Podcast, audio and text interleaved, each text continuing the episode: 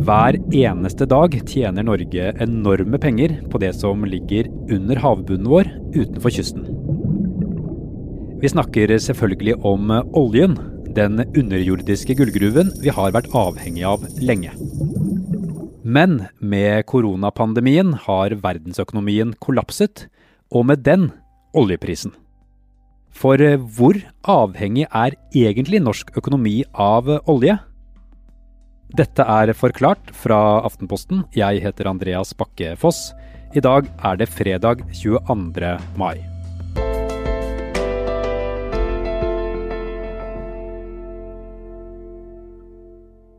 For å kunne svare på spørsmålet må vi starte med noe grunnleggende, nemlig oljeprisen.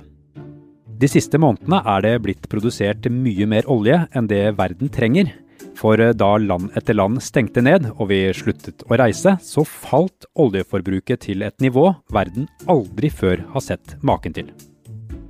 Kollega Øystein Langberg sier oljeprisen gjorde et svalestup som følge av koronakrisen. Og i starten av året så kostet det godt over 60 dollar for et fat nordsjøolje, som jo er det vi selger. Men nå koster det litt over 30 dollar.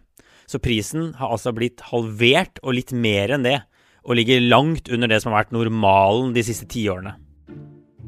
Dagens lave oljepris har ført til nedbemanninger og kraftige kutt i investeringene i mange land. Oljeavhengige stater går noen tøffe år i møte. Men akkurat hvor avhengig en stat er, det er det faktisk mulig å måle.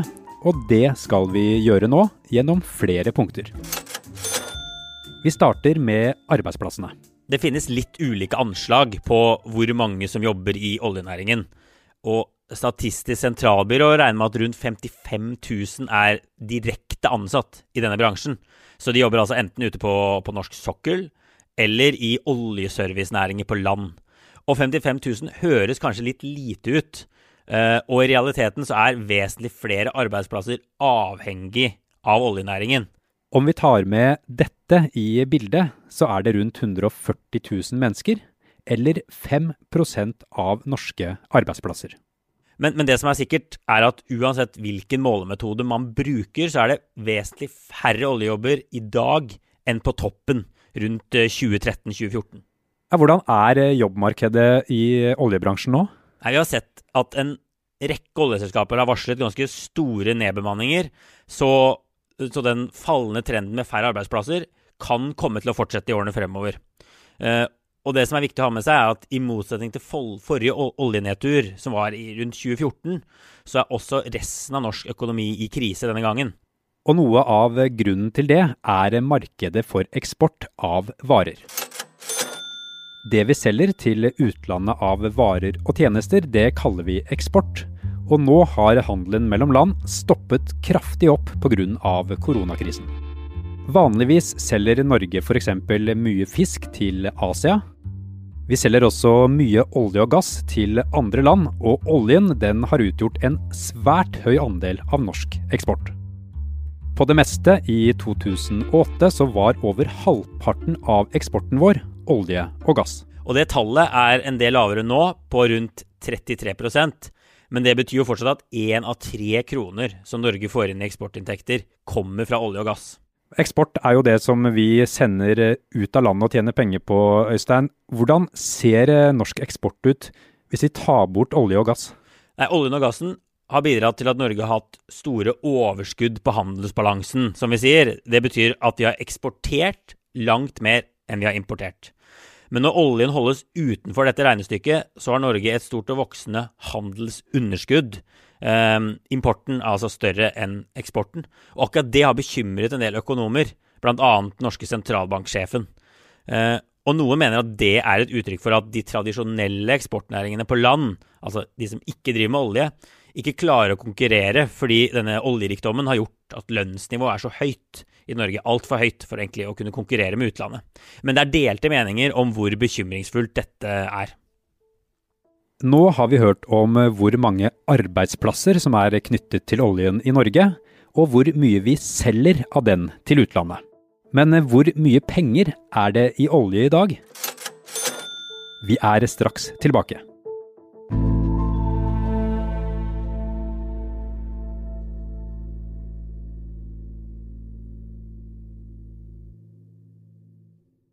I løpet av de siste månedene så er det et uttrykk jeg har hørt igjen og igjen fra økonomer og politikere.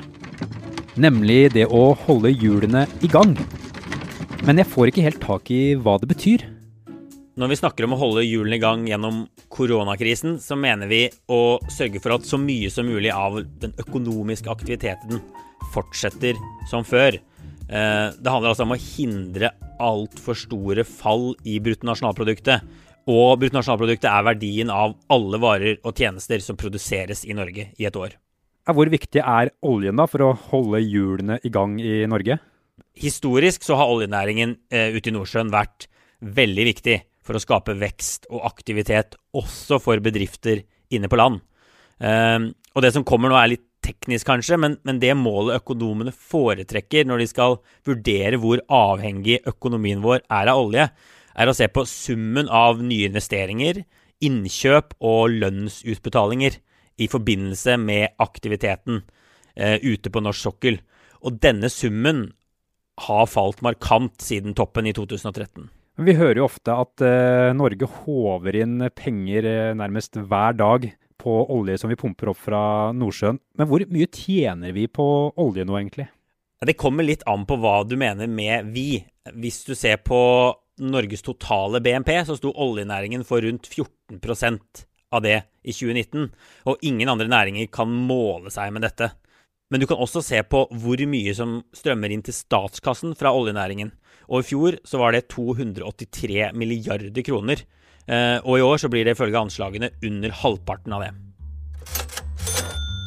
Og så har vi oljefondet vårt, da. Jeg hadde jo gleden av å eh, sette inn det første innskuddet 30. mai 1996. Sigbjørn Johnsen fra Arbeiderpartiet var finansminister da de første pengene ble satt inn i oljefondet. 1 milliard 981 millioner 128 502 kroner og 16 øre, for å være helt nøyaktig. I dag er det norske oljefondet verdt over 10 000 milliarder kroner. Og det er bl.a. disse pengene Norge skal leve av i fremtiden. Men dersom vi blir mindre oljeavhengig, hvordan skal vi forvalte det fondet da? Oljen gjør at Norge har langt romsligere budsjetter enn de aller fleste andre land. Men så er det viktig å huske på at de årlige oljeinntektene som staten får inn, ikke brukes direkte på statsbudsjettet. De settes inn på oljefondet, og det som er avgjørende for hvor mye politikerne får lov til å bruke, er størrelsen på oljefondet. Uh, og som vi vet, så sier handlingsregelen at politikerne kan bruke rundt 3 av fondets verdi hvert år. Her er det viktig å forstå forskjellen mellom at vi er avhengig av oljefondet, og det å være avhengig av olje. Oljefondet er bygget opp av penger vi har tjent på olje. Men det vi bruker fra oljefondet nå, er det vi tjener på alt oljefondet eier. Altså avkastningen. Dermed er ikke prisen på olje avgjørende for fondets verdi i fremtiden.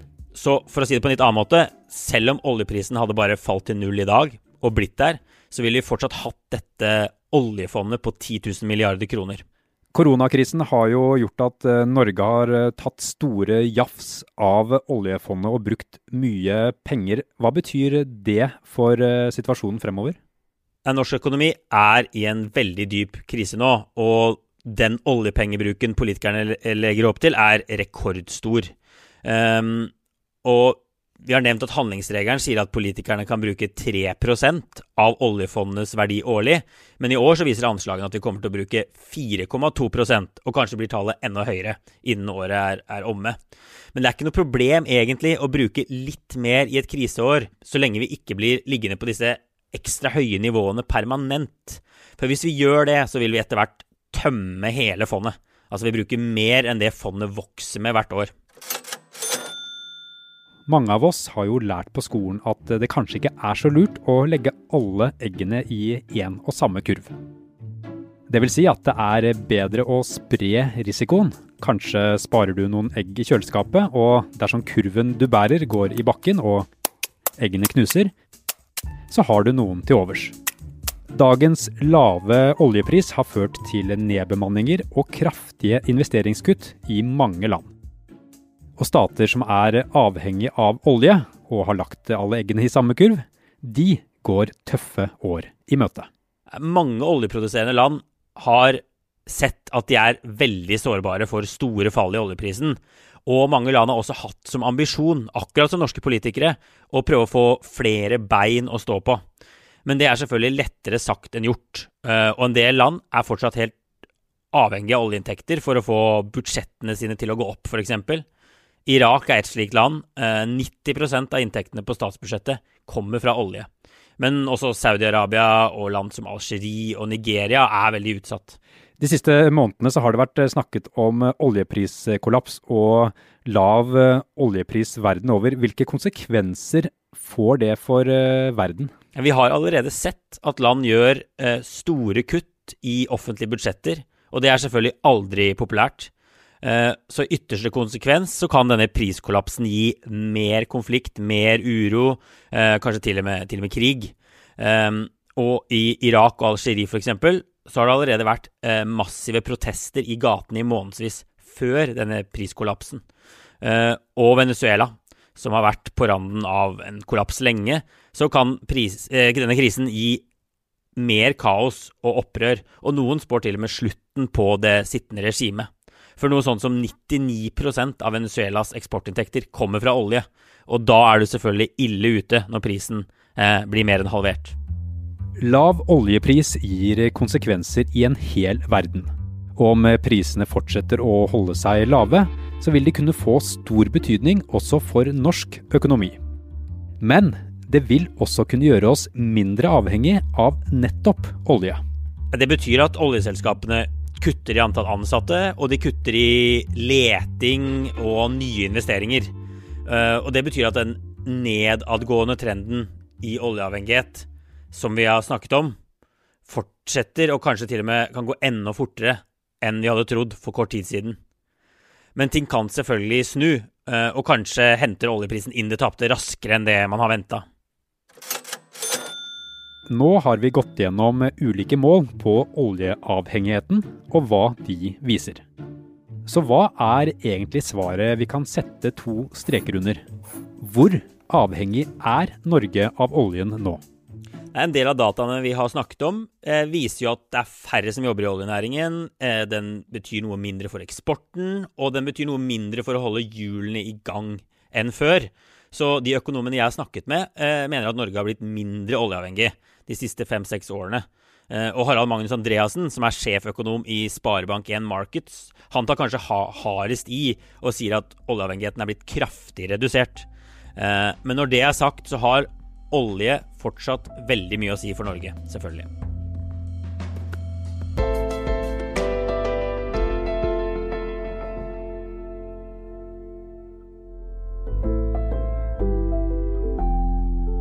Forklart lages av Caroline Fossland, Anne Lindholm, Fride Næss Nonstad, Marit Eriksdatter Gjelland og meg, Andreas Bakke Foss.